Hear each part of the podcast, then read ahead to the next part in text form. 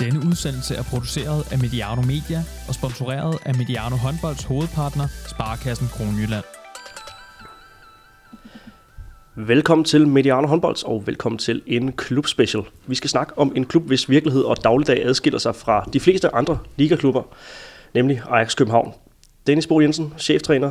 Klokken er 9 om morgenen. Du har været op længe, kunne jeg forstå. Det er ikke, det er ikke så tidligt for dig nu her. Nej, jeg var op 5, 45 og se vores kamp fra i går igennem, så det hvad- skal jo gøres. Og hvad var det for en oplevelse? Ja, det var ikke nogen sønderlig god oplevelse. Det var et af sæsonens dårligste præstationer fra vores side af, så der er noget at arbejde fremad med. Der er noget at analysere på.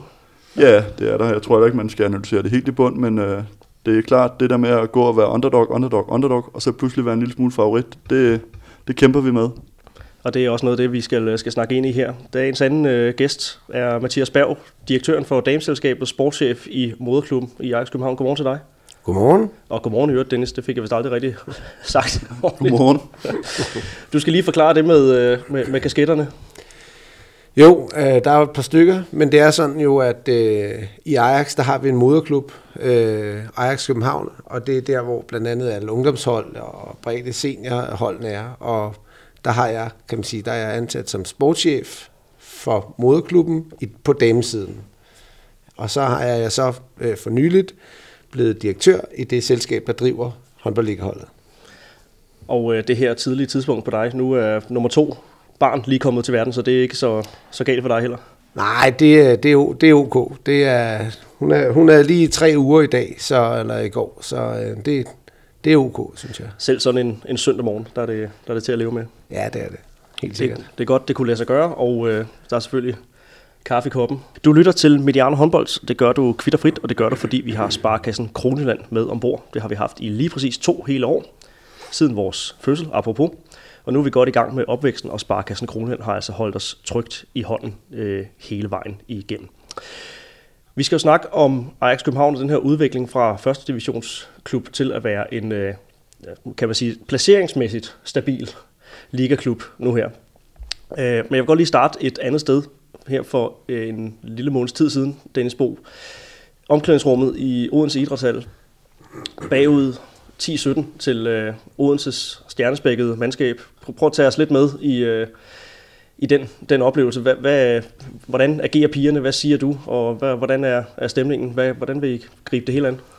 Jo, det, stemningen var egentlig ok. Man kan sige, det er jo, jeg lægger jo lidt i forlængelse af det, jeg startede med at snakke om, det der med, man er bagud 17-10, det vil sige, sådan ret beset er der ikke længere noget at spille for, men øh, altså, den er ligesom dødkampen, kunne man øh, forestille sig. Det er, det heldigvis det gode ved, ved vores hold. Vi er sådan, jeg kan ikke huske, hvad det hedder, men de der dukker, man kan skubbe, og så rejser de sig op hele tiden igen. Det er sådan et meget godt billede på os. Så vi, vi snakker lidt om, hvad var vores gameplan, og hvordan ville vi gerne gribe det an. Og vi havde nogle mål for den kamp, som vi egentlig gerne ville have med videre. Vi ville gerne lave nogle forsvarsbyt fra 6-0 til 5-1 og tilbage igen. Prøve at skabe lidt øh, disharmoni hos øh, Odense på den måde.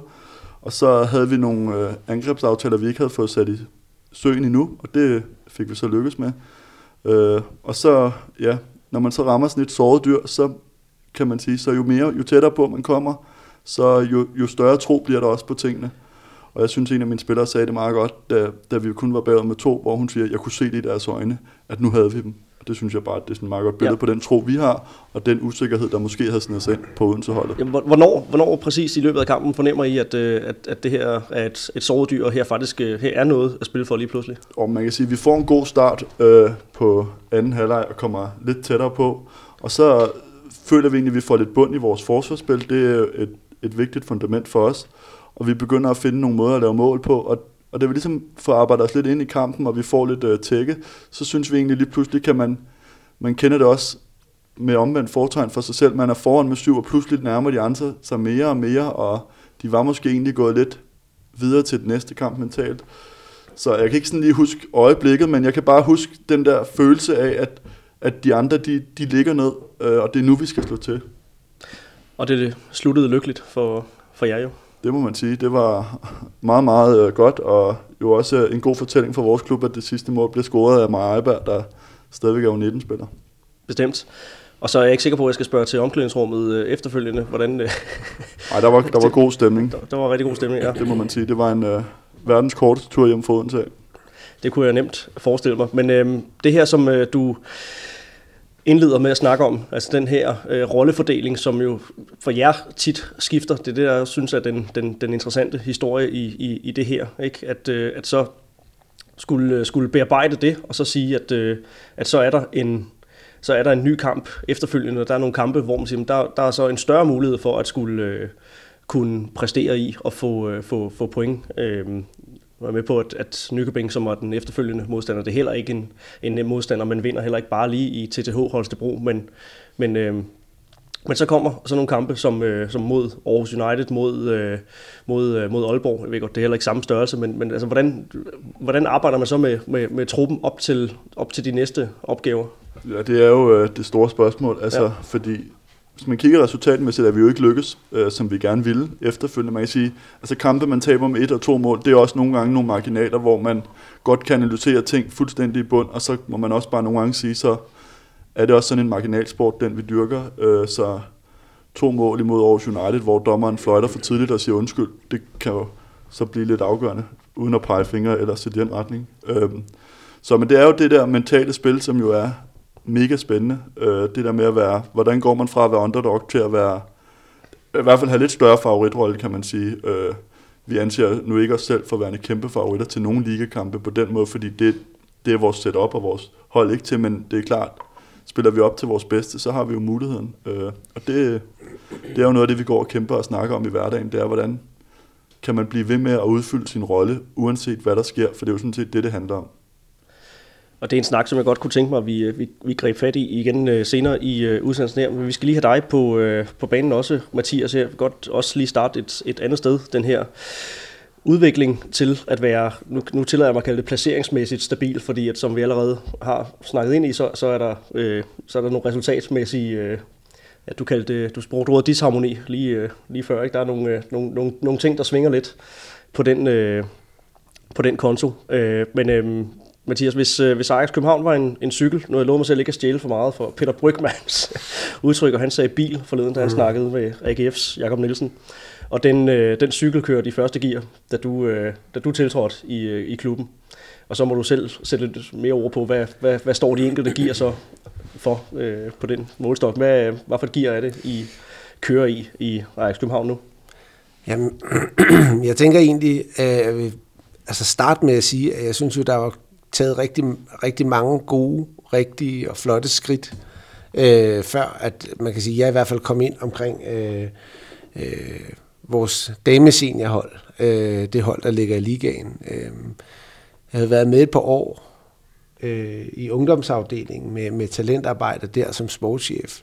Og, og noget af det, som egentlig er interessant, synes jeg, altså, altså jeg kan jo ikke 100% svare på, hvordan det er nu, men i hvert fald på det tidspunkt, så, så havde man jo taget en masse skridt. Vi havde mange rigtig gode spillere, rutinerede spillere, som havde prøvet rigtig mange ting. Øh, de var en del af førsteholdet, og de trænede øh, og blev trænet godt af, af trænerne. Og kan man sige, vi lå jo af flere omgange og spillede oprykningskampe. Jeg, jeg vil gætte på tre år i træk mod Ringkøbing og tabte lige præcis der, inden man så rykkede op. Så man kan sige, der var taget mange vigtige skridt frem mod ligaen, før vi ligesom kom ind. Men det, der ligesom er forskellen, den store forskel, og det var noget af det, som vi ligesom ja, tog konsekvensen af, det var, da, da vi så rykkede op, da vi kunne se, at vi rykkede op i første division. For det første, så, så blev det, var det et andet selskab, der overtog det, øh, end dem, der havde drevet dem op i første division. Men der er også bare noget med, at jeg tror, man kan komme langt i første division ved at være rutineret og dygtig og træne tre gange om ugen.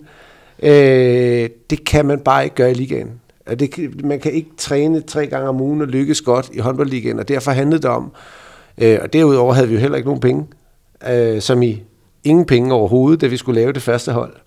Og derfor var det vigtigt at holde fast i, at hvad er vi for en klub? Hvad er det for et øh, koncept? Hvad er det for nogle visioner, vi har med det? Og noget af det, der handler om, det var for os at skabe rammerne for elitesport i København.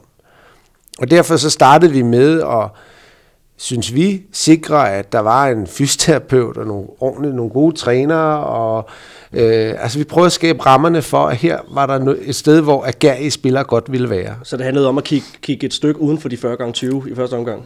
Ja, 100 procent. Det handlede om, at vi skulle lave et setup, hvor at de spillere, der havde agerigheden, der ville være bedre, og her er det jo rigtig tit at let at pege på nogle af dem, der var unge. Vores hold var jo rigtig ung i første år. Jeg tror, vi var 21 eller sådan noget i gennemsnitsalderen, eller hvis det... Hvis, ja, altså, det var i hvert fald, øh, det ja, må man sige, ja. ja. Og, og det, det handlede om, var sådan set at skabe rammerne for, at de... Øh, det, det handlede om, var at skabe rammerne for, at de kunne øh, få lov til at udfolde og dyrke deres talent. Øh, det var sådan set også det, det handlede om øh, i forhold til, kan man sige nu, startede Dennis Bo jo ikke som cheftræner, men blev det meget hurtigt. Men han blev også valgt til uden den helt store ligaerfaring, lad os sige det sådan, øh, ud over sin egen spillererfaring. Men, men det her med at lave et miljø, hvor at vi hele tiden er på vej et sted hen, hvor vi hele tiden forsøger at lære noget, både trænere og ledere. Jeg har sagt det før. Jeg tror, at læringskurven var noget stejlere for os, der var omkring holdet, end dem, der var på banen faktisk. Ja. Og uden at øh, det her skal handle om at, at sparke bagud, eller hvad man kan, kan sige, så hvis du skal beskrive forskellen på det selskab, der, der drev klubben før, og det selskab, der, der, der driver klubben nu, altså hvad er sådan de væsentligste, de væsentligste faktorer her? Altså, altså lige nu og her har vi jo lige udvidet bestyrelsen i, i, øh, i selskabet, og, og, øhm, og arbejder øh, rigtig hårdt, og kan man sige, systematisk på at opbygge, kan man sige, forretningsdelen, det kommercielle, øh, endnu bedre. Og man kan sige, det er nok, det er også der, hvor vi kan blive meget bedre, kan man sige, skal, skal vi blive ved med at skabe bedre rammer for spillerne og trænerne, så bliver vi også nødt til at være bedre til at drive forretning, kan man sige. Øh, og det, det tror jeg egentlig, øh, det er egentlig ikke forskelligt. Der var også nogle fine rammer og et godt selskab, men, men måden vi arbejder på, de valg vi tager, kan man sige, de spillere vi vælger ud, der er nok der, hvor forskellen er. Altså for, for mig, nu har jeg været sportschef indtil for et par måneder siden også i, i, i dameselskabet, og der har det simpelthen handlet om at finde, altså det har været meget vigtigt at finde spillere med agerighed, med tro på, med, og med, kan man sige, også udsigt og ambitioner for at flytte sig, eller kan man sige, det kan også godt være, at de ikke vil videre på landsholdet, men nogen, der måske har været, har haft drømmene, men stadigvæk er agerige og har lyst til at blive bedre hver dag. Skal have nogen, som gerne vil være i Ajax, og som gerne vil være bedre hele tiden, gerne vil lære nyt. Øh, for det tror jeg er det, der er sådan et grundstenen i vores organisation.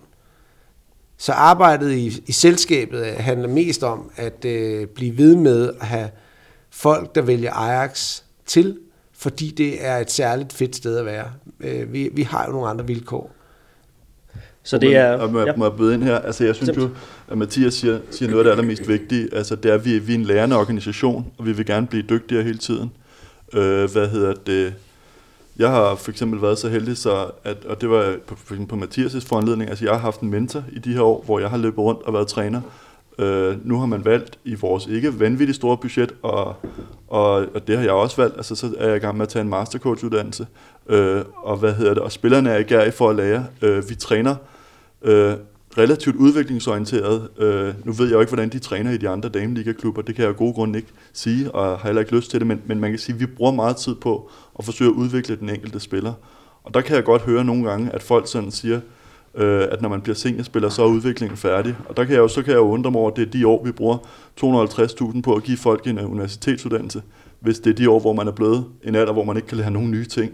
Så, så, så det, det står jeg meget fast ved, at det kan man godt, og det skal man have lyst til, hvis man er i Ajax København. Og det har de spillere, vi har heldigvis en stor lyst til. Og det gør det også rigtig spændende at gå til træning. Ja. Og det har vi andre også. Altså Mathias og jeg har også lyst til. Kuno, min assistenttræner, eller, som jo også er en meget, meget vigtig brik i det her, og lige så vel kunne have siddet her i dag. Mm. Øh, vi, vi er alle sammen interesserede og optaget af at prøve at se, om vi kan blive en lille smule bedre øh, i dag, end vi var i går, og lære en lille smule af de ting, vi går og laver. Og det, det synes jeg er et, et kardinalpunkt for os i Ajax. Jo, og, og så kan man sige, at her er det jo også der, hvor vi kigger, altså når vi kigger sådan helt konkret på det at rekruttere spillere, eller finde de rigtige spillere, så er det jo nemmere at finde de rigtige spillere, hvis vi har dem i klubben allerede. Øh, og derfor så kan man sige, vi prøver dem jo af kontinuerligt øh, nede i ungdomsafdelingen, inviterer dem ind i træningerne i det omfang, de kan, og på den måde øh, mærker vi jo også efter, hvad, hvad er det for nild, der brænder i deres øjne. Øh, det gør, øh, der har Kuno en særlig vigtig opgave. Han har jo både øh, arrangement på 19 og på ligahold. Dens Bo øh, er primært på ligaholdet, men det er jo også her, hvor man kan sige, vi har også vi udvikler også organisationen, men jo også Ajax København. Blandt andet så starter vi vores nye sportsgymnasium op, hvor Dennis Bo er ansat som træner. Og det er jo, kan man sige, hele tiden for at lægge små øh, sten på, eller hvad hedder det, øh, altså lægge små lag på hele tiden i forhold til at blive endnu bedre til det, vi skal være gode til, nemlig at skabe øh, en elite, et, et sted, hvor det er muligt at dyrke elitesport i, øh, i Københavnsområdet, hvilket jeg i mange år har synes har været en, en mangelvare. Så for at lige at tage, tage billedsproget med, øh, med cyklen frem igen, så, så der, er, der er lang tid mellem, øh, mellem de her gearskift, kan man sige. Ja, der, der er lang tid mellem gearskiftene, men, men man kan sige, til gengæld så kører den sådan øh, rimelig rock steady af, synes jeg. Altså vi, øh, vi, vi lægger små lag på hele tiden, og så øh, betyder det naturligvis noget, når vi lykkes med at udvide bestyrelsen. Vi får flere hænder omkring, vi ansætter en ny sportschef, flere kræfter, øh, flere gode kræfter, flere gode mennesker til at arbejde for det her hold. Den her ansættelse af Dan Hansen som, som sportschef for, for kvinderne, er det så er det, er det, øh, det næste store gearskift, øh, hvis man kan sige det? Er det, er det, er det næste gang, man sådan lige træder, træder lidt ekstra på, øh, på klampen? Ja, jeg tror, at det, det bliver vigtigt for os. Altså, man kan sige, øh, der er jo også, der, og det er jo der, hvor vi jo adskiller os mange steder fra. Altså der er jo den Bo, han øh, arbejder på KIS og gymnasiet og, og, og er ligatræner, og Kuno har et fuldtidsarbejde ved siden af sin chef- eller assistenttrænerrolle. Og jeg har jo også fuldtidsarbejde, og nu er jeg direktør og, og løser nogle andre opgaver, samtidig med, at jeg, jeg stadigvæk, kan man sige, er forankret nede i moderklubben. Og derfor er det jo også fantastisk fedt at kunne tiltrække øh, en, synes jeg, kapacitet som, som Dan Hansen, og oven i købet engagere ham som assistenttræner på 17-holdet. Fordi det, giver, det er jo også det, vi gør hele tiden. Vi forsøger hele tiden at binde, binde, binde kan man sige, moderklubben og ungdomsafdelingen sammen med ligaholdet, fordi vi godt ved, det er sådan, vi skal lykkes. Det er det lange, seje træk. Så nu kører vi nok i det her gear lidt endnu, øh, og så ser vi, øh, hvor det bærer ind af. Og sådan lige for afklaringens skyld, øh, samarbejdet med, med herrene, altså det er jo, det er jo, en, det er jo stadigvæk en stor øh, klub, og sådan, men hvordan, øh, hvordan er tingene, øh, hvordan hænger de sammen, og hvordan er de adskilt? Ja, altså man kan sige, traditionelt set har vi jo arbejdet i, i to forskellige sel- selskaber. Vi er sådan set også stadigvæk to forskellige selskaber, hvilket på mange måder giver rigtig god mening. Men øh, altså, de to... Så forretningsmæssigt er I adskilt? Ja, og så alligevel ikke, fordi vi, jo, vi er et, et stort Ajax. Altså vi, øh, vi, har, vi er en stor klub med en... Vi er jo en, en af de største håndboldklubber i Danmark, når vi ser os som samlet, og derfor er vi jo også, kan man sige, et, et godt produkt øh, at sælge. Vi er jo interessante, fordi vi ligger, hvor vi gør. Øh, det kan vi i hvert fald være, og derfor så samarbejder Daniel Svensson og jeg meget tæt på at, at skabe synergier mellem de to øh, selskaber. Vi skal jo på en eller anden måde lave en kobling mellem de her, øh, jeg nu kalder det gearskift, og så kan man sige, det, det sportslige output, øh, hvordan det ser ud i, i tabellen og så videre her. Inden I gik i gang med, med den her sæson, altså I kom fra en sæson, hvor I fik skrabet øh, 13 point sammen øh, i sæsonen øh, 18-19. Øh, hvad, var, hvad var målsætningen for, for, for den her sæson? Kigger I øh, på noget øh, resultatmæssigt, eller handler det, som du snakkede om før, Dennis, det er rigtig meget om det her udviklingsmiljø, og hele tiden lægge, lægge lag på spillerne, og så efter på holdet? Eller er der et resultatmæssigt man kan fokus sige, også? Man kan sige både og. Øhm, som, som jeg også sagde før, vi kunne godt tænke os at være en lille smule bedre øh, i, i dag, end vi var i går. Det vil sige, at vi kunne godt tænke os at skrave lidt flere point sammen i år, end vi gjorde sidste år. Det er jo sådan overordnet set, men, men det er meget vigtigt for mig, at vi tror mod det, vi er, og vi, vi, vi tror mod vores øh, koncept og vores kultur. Så på den måde øh, er det, ved vi også godt, hvad det er. Altså, der skal jo ikke meget til, før man øh, altså, lige rykker lidt ned, og, med, og man kan sige bare strukturen. Altså, man kan blive nummer 9 og have skrevet øh, 24 point sammen, øh, bare for at tage sådan et eksempel. Det gjorde Silkeborg sidste år, og så skal man stadig gå ud og spille et nedrykningsspil, og først sikre sig en gang i slutningen af april, så, så man kan sige på den måde, hvornår er man et stabilt ligahold. Det var det, Sofie Bæk øh, snakkede om i forhold til, at så, så er man x antal point foran over 26 kampe, men kun to point, når sådan et øh, drabeligt nedrykningsspil, det, det, præcis, det starter. Præcis. Ja, ja. Og, og det, altså, man kan jo synes om det, hvad man vil, men, men jeg synes jo, det taler til, at der mangler en eller anden snært af retfærdighed også i det, synes jeg. Altså, Begynder I at blive ramt af det også? Altså? Nå, det ved jeg ikke, men man kan sige, at sidste år endte vi jo med at spille de der nedrykningskampe. Det er jo sådan et, et faktum. Altså, der var, havde vi, øh, vi havde 14 point faktisk. Øh, Aalborg havde 7 point. Øh, vi blev nummer 11. Vi starter så, har et point mere end dem. Starter så i Aalborg, der ikke har nogen point. Taber så den kamp. Så vi har vi pludselig, øh, så er vi underhånden, kan man sige. Eller hvad man skal sige. Altså, jeg synes, jeg synes det arbejde, man har lavet i 26 kampe, at der bliver der set for lidt til, kan man sige. Også fordi vi snakker jo om et produkt, der ikke bliver tv-transmitteret. Det, altså, det er ikke nemt for Silkeborg at få tilskuer til det her. Så, så jeg tror, at altså sådan i et talentudviklingsperspektiv vil det være meget federe, at man tog pointene med over. Og så er det rigtigt, så har det været hårdt for Aalborg sidste år, der lige klarer sig. Men det må så også være den bonus, man får ved at have spillet et godt øh, grundspil. Og så kunne man allerede i april måned, marts måned, begynde at sige, sådan, nu skal vi fysisk lægge på, fordi det er jo sådan hvis man kigger på det, de unge spillere spiller jo i den del af tabellen, og kunne godt bruge sådan et halvt, altså vi snakker om, de kunne få et halvt år fra marts til august, er det så fem måneder, men hvor de virkelig kunne arbejde med deres øh, fysik. Nu endte vi med først at være færdige, og det er jo vores egen skyld, det er jeg helt med på, øh, en gang i starten af maj. Det vil sige, så skulle de lige have lidt pause og restituere mentalt, og så nåede vi jo slet ikke at få den der off-season, hvor vi virkelig kunne gå på. Og der synes jeg måske godt, at vi i dansk håndbold kunne gøre os selv den tjeneste og sige, det der nedrykningsspil, øh, især på damesiden, det har ikke rigtig nogen kommersiel interesse hos øh, TV2, som jo ellers er en kæmpe stor samarbejdspartner for os øh, i håndboldverdenen. Øh, hvad hedder det? Så kunne man godt tage de der point med over, for det, det vil der være en anden større retfærdighed i, synes jeg, eller man ser i Superligaen i fodbold, fordi du spiller ikke om noget, man spiller om at undgå noget, og der må det også, altså, hvor man kan sige, det andet, der spiller de lidt mere om at nå noget op i det der øh, slutspil.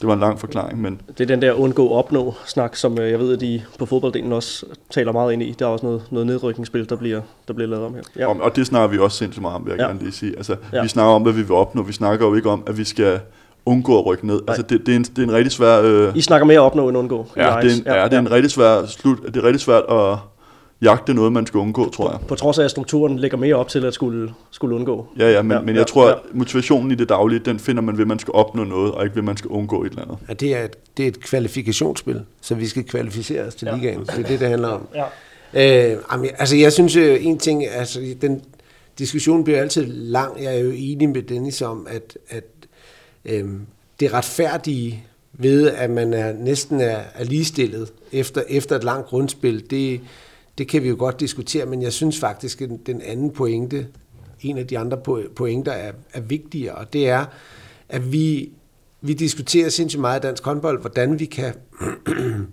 øh, blive endnu bedre og skabe større resultater, bedre spillere. Hvorfor er udviklingen af vores unge spillere ikke bedre? Hvorfor er vi øh, ikke bedre på landsholdet osv.? Og, og der kan man sige, der, der kunne det godt være, at man skulle øh, overveje, hvordan man kunne give klubberne mulighed for at lave et bedre, mere kvalificeret stykke øh, talentarbejde. Fordi her må vi bare konstatere, at vi er jo ikke de eneste i Ajax, der ikke har fuldtidsansatte øh, spillere eller trænere. Det har de jo heller ikke i Aalborg. Øh, og kommer der en oprykker, så er det sandsynligvis det samme. Skanderborg er egentlig det samme. Og det, derfor det der med, altså når vi kigger på nogle af vores konkurrenter i udlandet, eller på herresiden for den sags skyld, så er der altså nogle spillere, som koncentrerer sig primært om at spille håndbold. Og derfor, hvis vi øh, laver et setup, som ligner fuldstændig det, de gør andre steder, men har nogle andre vilkår, så er det svært at lykkes med det. Øh, og derfor kunne det give rigtig god mening, at, øh, at man ikke skulle bruge øh, hele april og det meste af maj på at undgå ja. at rykke ned, også fordi det er faktisk, altså fra min positioner med, min, øh, med mine opgaver i klubben, det er, det, det er file med svært at lave et håndboldligahold i midten, i midten i midten af maj. For det er først der, man kender sin skæbne, for ja, at sige det. præcis. Udtryk, så, der, ja. så kunne det måske, altså for vores vedkommende, hvis vi vidste, at vi er 100% i håndboldligaen næste år, hvis jeg vidste det her i marts, eller lad os sige april, det er jo nok der, det er, ikke? Hvis jeg vidste, det var der, vi var, så ville jeg kunne lukke mange flere aftaler. Det vil være meget nemmere at lave forretning og udvikle forretningen, hvis man ikke hele tiden skal vente til allersidst øh, så forretningsudvikling, øh, øh, talentudvikling, sportslig udvikling, det er bare svært, når man ingen off-season har. Og hvordan, er, øh, hvordan fungerer markedet? Det bliver jeg lidt nysgerrig på. Altså, du snakker om det her med at lukke, lukke aftaler og sådan noget der. Ikke? Altså, er, det, er spillerne meget sådan afventende i forhold til, øh, til klubbernes skæbner? Og Ja, altså ja. Det, det er klart, at hvis du er, hvis du er en ung spiller med store ambitioner, så, øh, så, er det, så, er det, så er det ikke uinteressant, om du ligger i første division af liga. Der er også stor forskel på at spille i ligaen. Ja, man kan sige, det er jo noget af det, vi også tit diskuterer, og jeg kan også kan høre, sådan, når vi diskuterer ude bredt. Øhm, altså, man lærer simpelthen ikke at være håndboldligaspiller i første division. Det lærer, man, det lærer man i håndboldligaen. Det kan fint være, at man kan lære nogle andre ting, men du bliver hverken landsholdsspiller eller håndboldligaspiller ved at ligge og spille første division. Dertil er, kan man sige, er der simpelthen for stor forskel på de to rækker, øh, fysisk og Altså, ja, altså det, og derfor så kan man sige, så betyder det naturligvis noget, hvor man er. Men for os handler det jo også om, øh, hvem? ja, altså vi er jo sådan et sted også, hvor at de også vælger, pigerne vælger klubben til, fordi klubben er et særligt sted at være. Vi har et særligt fællesskab. Øh, det er det, de nævner, når jeg har mus-samtaler med dem. De, de nævner fællesskabet, betydning af, af, det, af det sammenhold, der er på holdet, og Dennis Bo som træner, der kan skabe det der. Og det betyder jo også noget, men der er ikke nogen tvivl om, hvis jeg skal ud af klubben og rekruttere, så er det godt nok svært, hvis man ikke ved, om vi ligger i håndboldligaen. Så er der forskel på, om det hedder, hedder liga eller, eller første division. Kæmpe. Så, så det her gode miljø, det er ikke uh, tilstrækkeligt. Nej, de, nej, nej, det skal man jo også kunne mærke. Ikke? Altså, der er kæmpe forskel på, hvis jeg skal hen, finde en spiller, lad os sige en dygtig spiller i en U19-række eller en første divisionsklub, som tænker, okay, her skal du ind og tage øh, det næste skridt. Så man kan jo ikke tage det næste skridt fra første division i ligaen, hvis vi ikke ligger i ligaen. Det er klart faktuelt. Ja. Hvornår, øh, Dennis, hvornår på sæsonen begynder I at kigge ind mod det her øh, kvalifikationsspil, som, som Mathias retligt fik, øh, fik korrigeret det til? Altså, hvornår begynder I sådan at, at øh, fornemme, okay, det, det er der, at det havn, det bliver ikke, det bliver ikke top 8 slutspil, det bliver heller ikke den, den direkte nedrykningsplads. Øh, hvis du ikke skal snakke sådan rent matematik, hvordan, øh, hvornår oh, men, men forbereder sådan, Ja, altså ja. Sådan, man kan sige, vi har jo sådan en forberedelsesfase i december måned, hvor vi jo ikke spiller der fra slut november til december, der har vi jo en fase, kan man sige. Og så havde vi udpeget en nøglekamp hjemme mod Skanderborg i, jeg tror det var tredje runde, anden tredje runde efter. Øh, hvad hedder det? Hvor hvis vi, ligesom, hvis vi vandt den, så kunne vi godt se, så, så bliver vi nok ikke sidst. Øhm, og da vi så ligesom havde vundet den, så kunne vi ligesom så skrue på tingene i forhold til, til den fysiske træning, fordi vi belærte sidste år synes, at vi fik skrevet mange point sammen, men, men det rakt alligevel ikke til 10. pladsen. Øh, der lå vi jo og kæmpede med Skanderborg sidste år omkring det. Øh, så i år har vi så forsøgt at skrue lidt på det fysiske, så vi ligesom kan sige, okay, vi vil gerne ramme en, en fysisk top, øh, som øh, så rammer der i april måned, kan man sige. Så det, det går vi jo og arbejder lidt med. Men samtidig er det jo en gruppe af gærige spillere, der gerne vil vinde hver kamp, og vi går jo ind til hver kamp i håb om, at vi kan vinde den, og øh, forbereder os i forhold til den modstander, vi nu har, og tror på, at vi kan vinde den næste kamp. Så er vi helt med på, at det, det sker jo ikke hver gang, men, men, men jeg tror, at det er en vigtig motivationsfaktor for os, og faktisk rent faktisk, når vi tager kamptrøjen på, så tror vi rent faktisk på, at vi kan vinde hver eneste gang. Og det er så ligegyldigt, om det er Odense, Esbjerg, København, Aalborg, Skanderborg, så, så har vi en drøm og et håb om, at vi kan vinde. Og det er jo også vigtigt i vores daglige træning. Og nu er I taget til, øh, til Viborg og vundet, og taget til, til Odense og, og lykkes med at vinde der. I har også fået uafgjort mod Herning Ikast. Altså, hvor, hvor meget... Hvor, hvor meget kan I som klub bruge de resultater til fremadrettet i forhold til, til netop den der tro, du snakker om, ikke? Altså, at, at det her hårde arbejde, det, øh, det kan rent faktisk godt, øh, det kan godt munde ud i, at, at vi kan lykkes med at, øh, at få nogle resultater over vores egentlige, egentlige rækkevidde. Jamen, ja. altså, hvis jeg må svare, så tror jeg, altså jeg tror, at der er flere svar, men, men en af de ting, vi kan bruge det til, er jo noget af det, som vi forsøger at gøre. Vi har jo startet ret meget fra scratch, scratch som det hedder. Øh, vi, vi arbejder, oparbejder kultur, og det at, det at vinde de her kampe, det at, lægge, at spillerne oplever, at de kan lykkes med noget, som for mange andre virker usandsynligt, fordi vi tror på det, og vi arbejder med det. Der er jo mange, der ikke kigger på os, og vi er også mange, der bliver lidt overrasket, når Ben Nygaard synes, det er den største sensation nogensinde, at vi tager til øh, Viborg og vinder. Altså, vi, vi spillede uafgjort med Viborg i vores første sæson. Det var vores første point i Viborg Stadionhal. Og det gør sådan set ikke noget for os, at vi kan gå lidt under radaren på mange måder, men vi bygger jo kultur.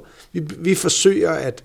Altså, det er jo noget af det, som kan man sige, som den store rejse har været jo og det store arbejde for Dennis Bo og Kuno, det handler jo om, da vi rykkede op i ligaen, der var vi jo også heldige, at det var det år, hvor vi udvidede ligaen, så vi vidste godt, at vi ikke rykkede direkte ud. Men det at indstille et hold på, at vi sandsynligvis, eller at vi, med, at vi kom til at tabe rigtig mange kampe, men at blive ved med at fejre de små sejre, og på den måde forsøge den vej igennem at arbejde en kultur, hvor vi tror på os selv, hvor vi tror, vi kan vinde, fordi vores mål er noget andet end kun resultatmål hele vejen. Vi lykkes med det her, vi lykkes med det her, som Dennis Bo også siger i forhold til pausen i Odense. Vi havde nogle ting, nogle mål for denne her kamp, vi gerne ville stadigvæk gerne og troede på, at vi kunne nå. Og det er så det, der flytter dem. Ikke? Så det betyder enormt meget for kulturen på holdet, for kulturen i klubben, men det betyder jo også noget for øh, vores arbejde rundt om holdet, i forhold til at sætte Ajax København på landkortet som en, som en seriøs håndboldklub. Hvor vi, altså på trods af nogle andre øh, forudsætninger end mange af de andre, i hvert fald økonomisk, virkelig kan byde på noget. Her kan man komme, her kan man udvikle sig, her kan man vinde kampe, her kan man tage til Viborg og vinde, her kan man tage til Odense og vinde, hvis man øh, arbejder hårdt nok. I forhold til kultur i øh, en håndboldklub og på et håndboldhold, så vil jeg lige skamløst gøre reklame for en udsendelse, der ligger i øh, kanalen, som øh, den gode Thomas Ladegaard har lavet i øh, BSO med øh, Peter Bredstorff og Jesper Nødesbo. Den kan du altså finde der, hvor du hører Mediane håndbold. Men øh, i forhold til den snak, det, altså, fordi det synes jeg også er, er netop er rigtig interessant, og fordi det er også noget, I begge to påpeger, som kan man sige, måske det vigtigste element i, øh, i jeres øh, klub. Altså den her kultur, det hårde arbejde. Øh, altså hvordan, hvordan arbejder man sådan mere specifikt med det i, i dagligdagen, uden at du skal gå sådan helt ned, Dennis, og, og nedbryde træningsøvelser osv., men, men det der arbejde med øh, at få spillerne til at arbejde hårdt og, og forstå, hvad det er for en, en, en, en kontekst, de er en, en del af osv. Hvordan, hvordan arbejder man med det? Nå, men øh, hvad hedder det? Det gør man jo løbende og hele tiden. Altså man kan sige, kultur er jo det, vi gør, ja. når vi er sammen, kan man sige. Det, så det er jo, kan jo godt blive sådan lidt fluffy begreb, øh, og alligevel et meget sådan konkret begreb, kan man sige. Men, men for mig er det sådan helt afgørende, at der er en mening med det, vi går og gør, og at spillerne kan se formålet med det, vi går og gør. Det er, sådan, øh, det er alt afgørende øh, for al øh, praktik, man har med andre mennesker at gøre, tror jeg. Det er, at vi sammen kan se det formål, vi er samlet omkring, og den mening. Du skal ligesom finde mening med det. Øh, jeg er sådan ud af også opdraget på en specialskole, hvor jeg har arbejdet i tre år, og der kunne jeg virkelig møde børn, der ikke kunne se mening med det at gå i skole. Altså det, det skal man skabe, uanset hvor man er henne.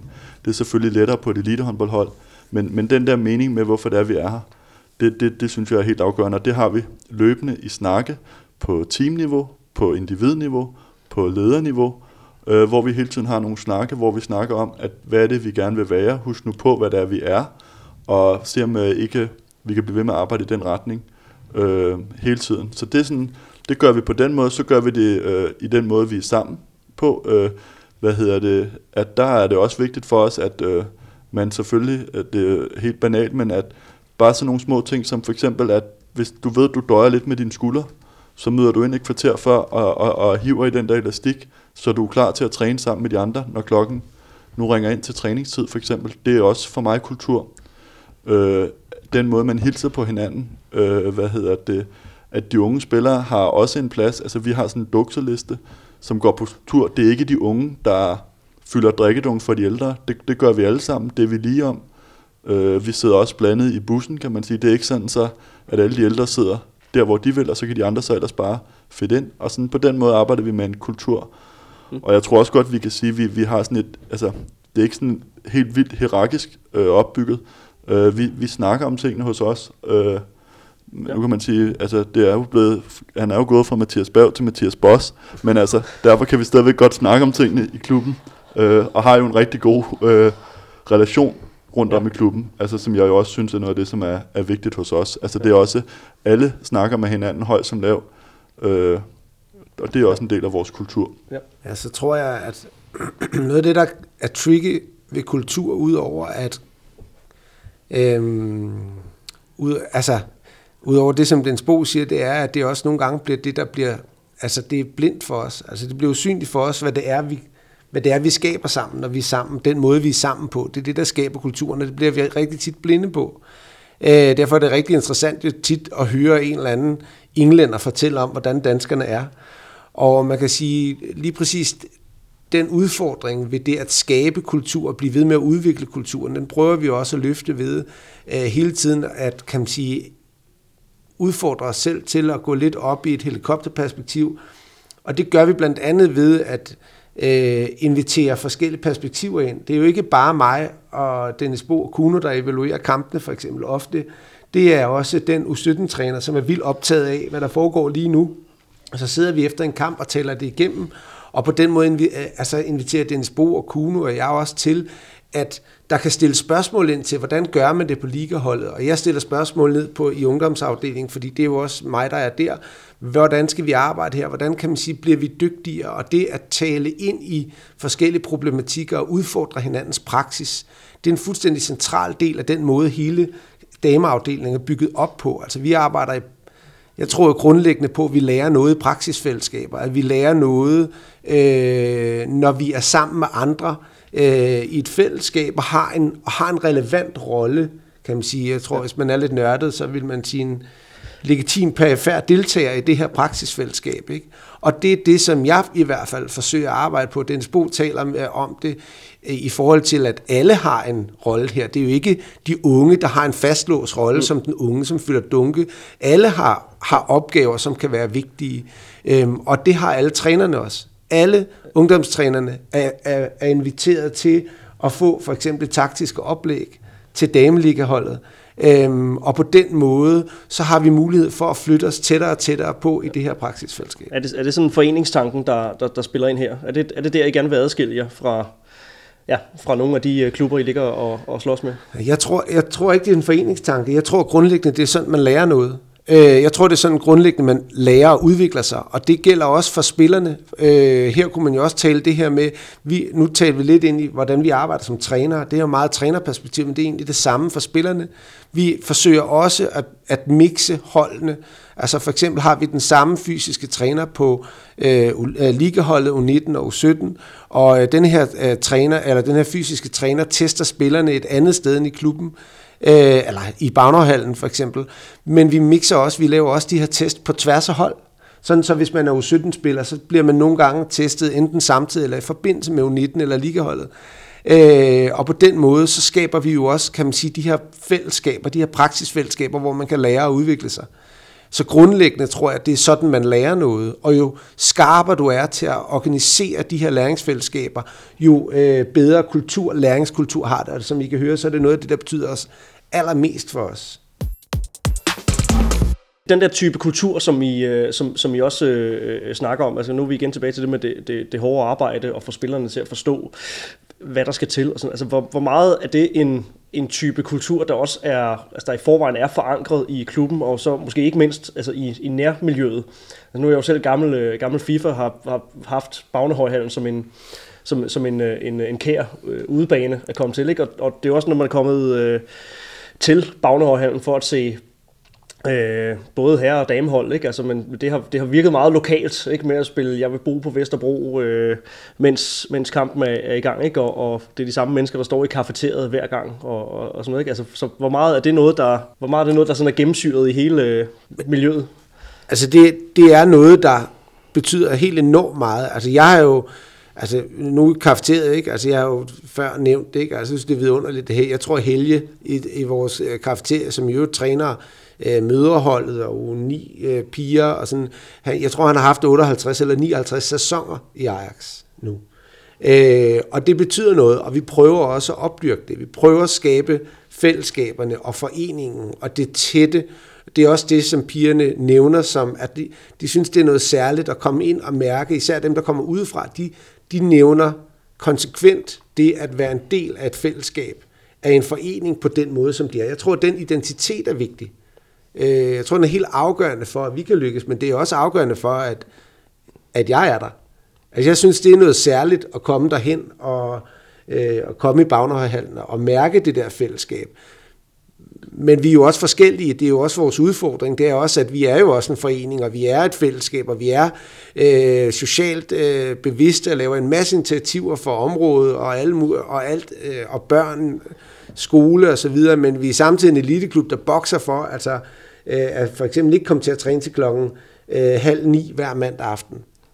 Ja, ja. Og, og jeg, jeg, bare sådan, jeg kan jo fortælle min egen kort historie. Altså, jeg har jo selv spillet i Ajax, fra jeg var 16 til jeg var 19 år, og vendte så tilbage igen øh, 10 år, ah, 7-8 år efter. Øh, så på den måde er det jo en klub, hvor man kommer tilbage, eller jeg kom i hvert fald tilbage og holder meget af klubben. Jeg synes, øh, du, det var bare lige for at korrigere lidt tidligere snak om det der med, altså om det der, hvor vi gør noget andet end de andre. Det er jo vigtigt for os, vi, vi prøver jo ikke at profilere os modsat af, hvad alle de andre gør. Vi prøver jo bare at styrke det, som vi er gode til. Og der ved vi, at det sociale er vigtigt for os. Altså vi har jo også den, det held, kan man sige. Vi ligger i København. Alle vores spillere bor i København. Øh, så der er ikke den der transporttid, hvor hvis ikke man var en uddannelsesby, kunne man måske bokse lidt med noget transport ud til der, hvor man var. Det vil sige, spillerne har i forvejen brugt lang tid på det, øh, hvad hedder det, at komme derhen, og vil gerne, altså her, der er langt de fleste jo på cykel til træning, kan man sige, fordi det er det, der giver mest mening, hvis man sådan skal rundt i København på de tidspunkter. Ja, så kan man sige, at vi, for mit vedkommende, for mit arbejde som sportschef og øh, direktør, så kan man sige, at at jeg er også godt klar over, at vi har jo en tredjedel af spillerne på kontrakt. Resten af dem, de kommer altså, fordi de synes, det er fedt at være der. Mm-hmm. Øh, og, det, og det kan man sige, det er både et fundament og en vigtig element, men jo også noget, som vi, vi arbejder med. Vi styrker, forsøger at styrke fællesskabet, fordi det er derfor, at langt de fleste af vores spillere kommer. Øh, der er ikke nogen tvivl om, at øh, både Dennis Bo og jeg og, og hele bestyrelsen bag øh, ligaholdet er meget optaget af at skabe bedre rammer på den måde at sige, vi vil gerne, vi tror også på, at vi inden for nogle år kan komme derhen, hvor flere spillere kan koncentrere sig mere om at spille håndbold. For eksempel kunne nøjes, og nu sidder jeg og laver gåseøjne, ikke? kunne nøjes med at have et studie og håndbold, og ikke også skulle ud og have et, et, øh, et, et arbejde ved siden af. Og det, vil, det, det er et stort mål for mig at komme dertil. Så, så tingene spiller sammen. Det er, både, kan man sige, det er både det, der skaber udgangspunktet og fundamentet, men det er også det, der nogle gange er udfordringen for os. Ikke? Og, og, og hvad giver vi så i der? Øh, er, det, er det fjerde? Eller? Ja, det er det næste. Der kommer vi i fjerde gear. Ja, okay. Ja. Kritikerne vil jo, øh, vil, vil jo kigge på, øh, på tabellen her og, øh, og, og kigge jer ind i det, og, og det er den her snak om, om, om, om 12 versus 14 hold, eller antallet hold i ligaen, som vi sådan tager fat på, og du sidder allerede og laver, laver, laver ansigter. Øh, og øh, jeg er jo djævelens advokat, sådan er det. Øh, at i en række med 12 hold, der lykkes I med, øh, med, med 3 point, så bliver det udvidet, og nu kan I godt få et, et, et tocifret antal point. Så skal kigge på, hvis vi skal prøve, prøve med de objektive briller at kigge på ligaen som et samlet hele, og kigge på det som, som produkt osv. Øhm, så du, du sidestiller jer lidt med nogle, øh, nogle, nogle af de andre klubber, der, altså, der, der har lidt samme vilkår i forhold til, i forhold til økonomi, rammer og, og så videre der. Øhm, kritikerne vil jo kigge på det, og så sige, at det, det, der skal ikke være 3-4 hold, som, som har sådan halvvejs øh, amatørtilstande. Hvad er det, I bringer til, øh, til ligaen sammen med, sammen med Aalborg, sammen med Skanderborg, den, øh, den gænge dernede? Jeg, jeg vil godt lige starte med at sige, bare lige sådan lidt kæk, det vil faktisk være glimrende for os, hvis der kun var 12 hold i ligaen. Vi har smidt 8, hold, 8 point mod hold under os, ja. så det vil være rigtig fint for os, kan man sige, hvis der kun var 12. Ja. Så øh, så det bedre ud. Ja. Øh, ej, det var lidt spøg til side. Men, men jeg, synes, jeg synes jo, der er sådan en... Øh, øh, det, det, det er bare det, jeg altid bringer på banen. Altså, hvor meget stærkere er bunden i, i herreligaen? Så er jeg helt med på, det produkt, de måske har, kan være stærkt. Men altså, i bunden af herreligaen, der har de øh, 7 point, 11 point, 11 point. Fredericia har 14 point, ligger nummer 11. I, øh, i dameligaen er det 10, 8, 7, 7. Øh, hvad hedder det? Hortens har slået øh, Esbjerg, der ligger nummer 1. Øh, hvad hedder det? Vi har slået Odense. Vi har slået Viborg øh, spillet uafgjort med Herning Ikast. slået Silkeborg. Øh, hvad hedder det? Det er bare for, den for, jeg synes nogle gange fortællingen bliver sådan lidt forskruet, og så er jeg helt med på, at sådan professionaliseringsgraden på de der herrehold er jo noget andet. Det var også det, Mathias bragte i spil tidligere. Det med at være ung herrespiller er jo en helt del lettere, end at være ung damespiller, fordi du kommer ind i et professionelt miljø, og der er jo Altså sågar toppen af første division har jo også, øh, opererer jo også med langt større budgetter, end vi har. Så på den måde kan, kan jeg godt se det, men jeg synes bare, det er en vigtig del af fortællingen, at det bliver meget på damesiden, der er bunden, øh, meget langt væk fra toppen. På herresiden er de meget tæt på. Hvis man sådan kigger på det objektivt, er de jo ikke, altså, er der jo ikke, altså, så ser, hvis du kigger på tabellen, så ser tabellerne jo i og for sig sådan relativt ens ud, hvis man sådan skimter det over en, øh, en bred kamp, vil jeg så sige. Øh, det, det synes jeg hører med til den her for, øh, snak omkring tingene, og jeg tror, det er mega vigtigt i et talentudviklingsperspektiv, at vi har 14 hold i ligaen, fordi det giver flere talenter muligheden for at spille liga tidligere. Øh, og, og som historien er lige nu for danske damespillere, så har vi ikke særlig mange danske damespillere over 27.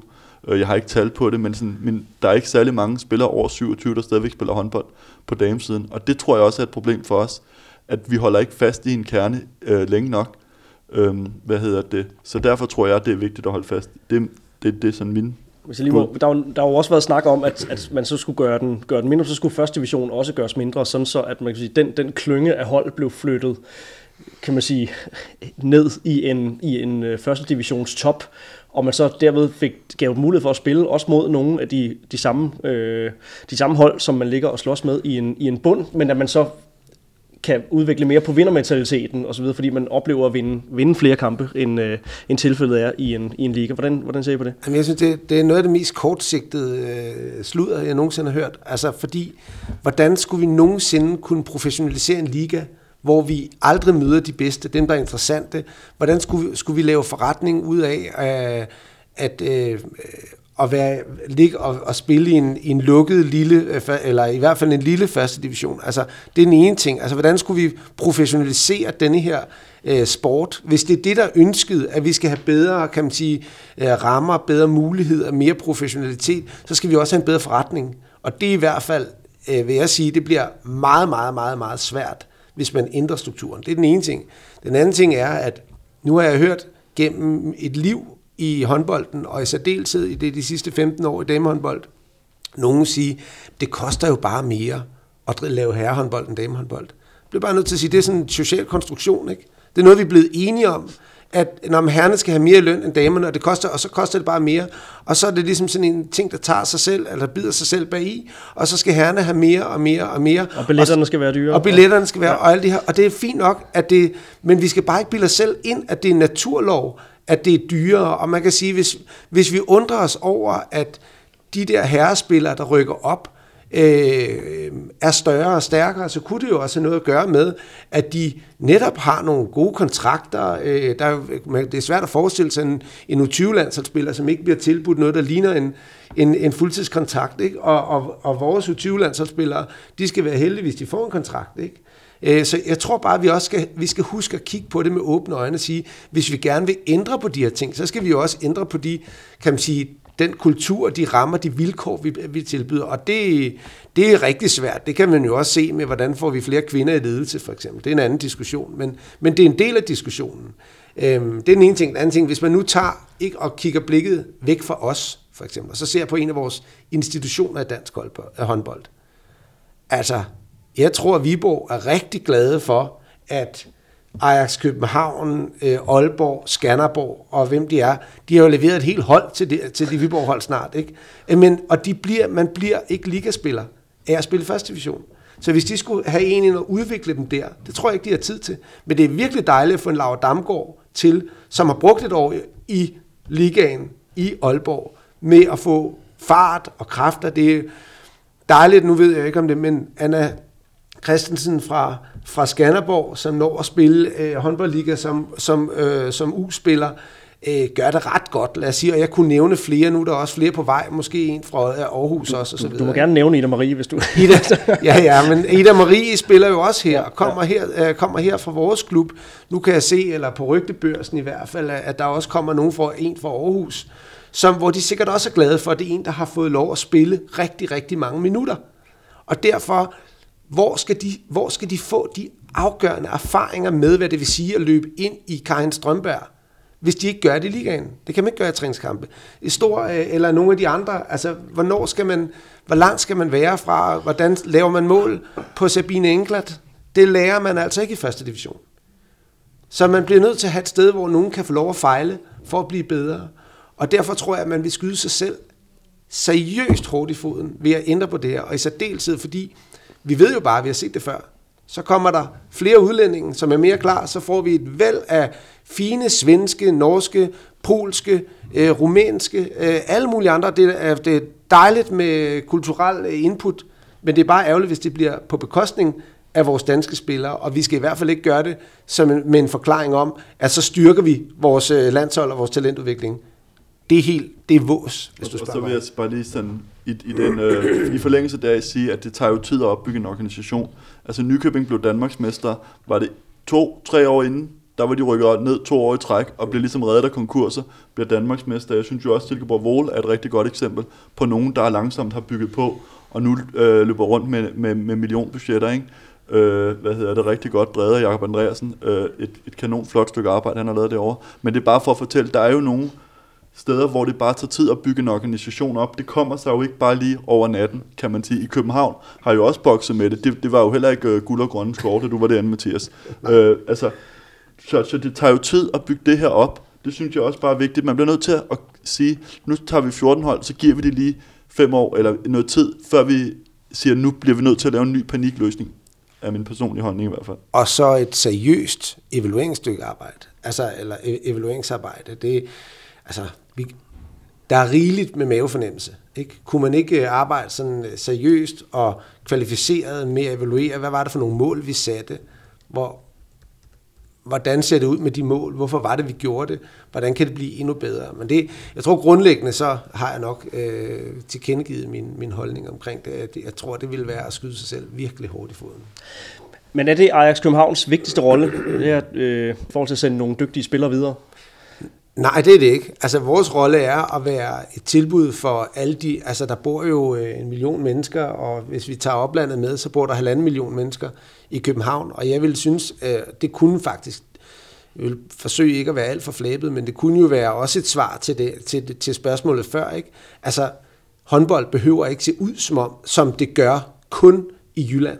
Altså håndbold kan og skal også spilles i København, og på den måde, vi spiller det i København, og den måde, vi laver håndbold. Så hvis vi har lyst til at spille, jeg vil bo på Vesterbro, øh, frem for, øh, for evigt eller noget andet, jamen så gør vi det, fordi at øh, den, der, øh, den der forskellighed er enormt sund. Men tilbage til det andet, ja. vi bor, der bor halvanden million i oplandet til København, i København og omegn, og der er op, opfostret rigtig, rigtig mange dygtige spillere. Øh, jeg tænker jeg tør slet ikke tænke på, hvordan det der herrehold ville se ud, hvis ikke spillerne fra Sjælland og omegn øh, Øh, øh, var her. Og det vil sige, at vi har en vigtig rolle i at tilbyde elite håndbold i København. Det er vores opgave, og vi skal blive ved og blive bedre. Og hvis vi kan blive endnu bedre end alle de andre, øh, så vil vi også gerne det, men, men det handler også om at se indad og sige, det vi er sat i verden for, eller der hvor vi er nu, det er at bygge det langsomt op til nogle gode skridt, øh, lave god talentudvikling, og hvad er talentudvikling så, kan man sige? Der hvor vi har forsøgt at virkelig gøre det godt, det er at arbejde med transitionen med, fra ungdom til senior. Det er der, det er det, vi ligesom har sat ind. Det vil vi gerne prøve at være bedre til. Vi er godt klar over, at vi kan være endnu bedre nede i ungdomsrækkerne, og det, det rykker vi også på, men vi er, øh, hvis, vi, hvis vi selv skal sige det, blevet rigtig dygtige til at integrere de unge spillere, give dem en, en lidt mere blid overgang fra ungdom til senior, end de normalt oplever. Øh, og det, det, det, det er vi der også for. Men vi er der, fordi, fordi Ajax København hører til i dansk håndbold og, og i toppen af dansk håndbold, både på herre- og damesiden. Så det er sådan en snak om, om håndboldlandskabet og det her, den, den geografiske spredning, som, øh, som jeg selvfølgelig mener er, også er en væsentlig del af den her, den her fortælling. Jeg kan næsten godt love, at vi ikke får øh, udleveret klappepølse i Bagnøjehallen, ikke? Altså, og, det, og det er bare for at sige, at jeg synes, mangfoldighed er fantastisk. Jeg synes, det er vidunderligt at se håndbold for Aalborg, når herrerne spiller. Jeg synes, det er fantastisk at være i Esbjerg og se det sæt op, der er der. Jeg synes, det er fantastisk at se, hvordan de lykkes i Odense. Men jeg synes også, det er fantastisk at se en håndboldkamp fra Skanderborg. Jeg synes, det er mega fedt at se, hvad de, hvad de laver i, i Silkeborg. Men så jeg synes, at mangfoldigheden tror jeg heller ikke, man skal tage fejl af. Altså dansk håndbold står på skuldrene af Forenings Danmark. Og Forenings Danmark, det finder man alle steder, i alle afkroge af landet. Både Jylland, Fyn og København, så Bornholm. Det københavnske talentmiljø, som PT, hvis vi sådan skulle, øh, skal, skal tage badevandstemperaturen på den, du siger, der bliver, der, bliver, der bliver produceret rigtig mange dygtige spillere, både på herresiden og på, øh, og på damesiden. Og Dennis, du har jo øh, også har arbejdet rigtig meget med, med unge spillere også, også i tiden op til, til du overtog cheftrænerrollen i, i, i Ajax København her. Altså, hvordan, hvad er status, hvis I lige sådan skal sætte lidt ord på, øh, på, på københavnske unge øh, piger lige nu her? Om det, der er ingen tvivl om, at, at, at det er et område, vi skal rykke på, og det er et område, hvor vi skal blive dygtigere på. Øh, så, så det korte svar er, at status er ikke så godt, som det kunne have været. Øh, hvad hedder det? Og så kan man pege på nogle øh, udefrakommende faktorer, altså sådan øh, nogle, altså, nogle trange kår, for eksempel øh, det er bare lige sådan en lille sidebemærkning, men jeg har lige været oppe i Rudersdal håndbold af, med nogle andre årsager og lavet noget, øh, nogle mentoropgaver. Altså, de har jo fået et fantastisk center i Birkerød, og oplever jo en kæmpe medlemsfremgang. Altså, der er jo en sammenhæng mellem det, man har af faciliteter, og, og, og de medlemmer, man har. Det, det hører jo med. Det er ikke fordi, man skal pege, men der går Københavns Kommune jo ikke for os. Det er jo ikke virkelig lækre faciliteter, vi har på den måde, kan man sige. Men der er ingen tvivl om, at øh, når vi kan snakke om noget af alt det, vi lykkes med, så, så arbejder vi rigtig benhårdt på vores miljø. Vi arbejder benhårdt på at få spillere ind, der gerne vil. Øh, hvad hedder det? Jeg er enormt optaget af en øh, kanadisk eller amerikansk psykolog, Angela Dogwood, som snakker om det her grit, altså det her med viljestyrke og sådan nogle ting, og det, det synes jeg er langt vigtigere end, end alt det andet, fordi det kan jeg se, at de spillere, vi har, vil have en høj score på det, eller har en høj score på det her viljestyrke, og det er noget af det, vi også skal finde nede i ungdommen, og dyrke nogle af dem. Øh, I gamle dage hed det det der med kan og vil spillere. Øh, jeg synes nu, det, nu kan vi godt raffinere det yderligere, og så skal vi øh, være endnu skarpere. Et af de steder, hvor vi ikke er rigtig skarpe, det er, jo, vores unge spillere ser de her ligaspillere, men, men jeg tror ikke, de er klar over, hvor stort et arbejde det er for at nå dertil. Og det skal vi gøre dem øh, bevidste om, og der skal vi have skabt dem tættere på de her rollemodeller, øh, så de ligesom er klar over, at det her det er ikke kommet over natten. Øh, de har ikke fået så stærke lov øh, ved bare at ligge og sove, eller gå på Instagram, men det har de altså fået ved at lægge rigtig mange timer i et styrkelokale, øh, og været øh, rigtig øh, nørdet til morgentræning med. Altså jeg har også været så heldig at være i morgentræning, øh, hvor at øh, vi gik, øh, og det, det, det døde sådan lidt hen, men det er bare sådan for at for, fortællingen er god, synes jeg, fordi der gik vi med Amalie Wulf, der er nede i Nykøbing, øh, er en mester til at træne. Øh, Stine Nørklit, vi har inde på vores hold, også sådan en late bloomer, øh, kom ud fra AGA. Øh, en Stine Eiberg, det var sådan os tre, der var, eller også fire, der var sådan nøglen i det her øh, morgentræningsprojekt 730. De boede altså ude i Greve og i øh, Albertslund og i Høje Torstrup, og bare for, for at fortælle det, det tog tre kvarter for dem alle sammen at komme ind og skulle være i København 7.30. De var hjemme igen klokken øh, 9.30 om aftenen, men de ville det, de her spillere, og vi øvede detaljer igen og igen og igen, og det er der, vi skal hen. Vi skal hen til nogle spillere, der har den her viljestyrke, og ønsket om hele tiden at blive bedre.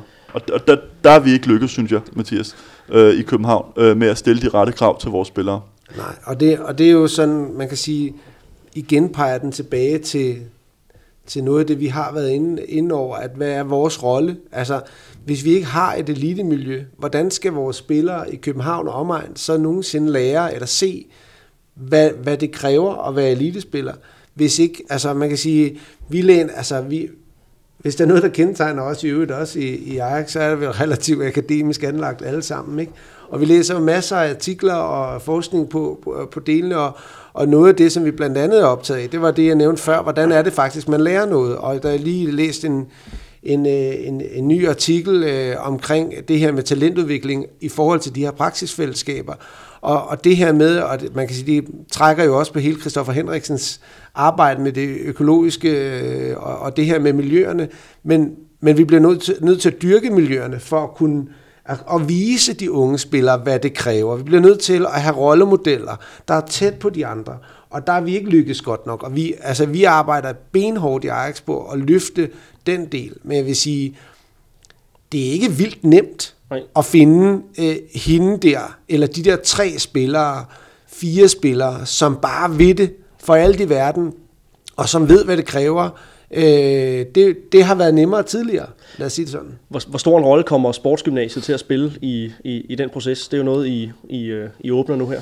Ja, altså jeg tror, den kommer til at betyde rigtig meget. Øh, og det er jo blandt andet også, fordi vi ved, det er hele mennesker, vi, er, vi arbejder med. Altså, øh, så, så udover at vi skal lære dem at træne, så skal de også have et liv, hvor de kan følge med. Det er jo ikke alle, som øh, Dens Bo nævner, som, som øh, øh kan, kan leve et liv, hvor de tager afsted klokken, klokken kvart i syv om morgenen og kommer hjem halv, halv ti, vel? Altså, det er jo ikke ret mange, der kan det.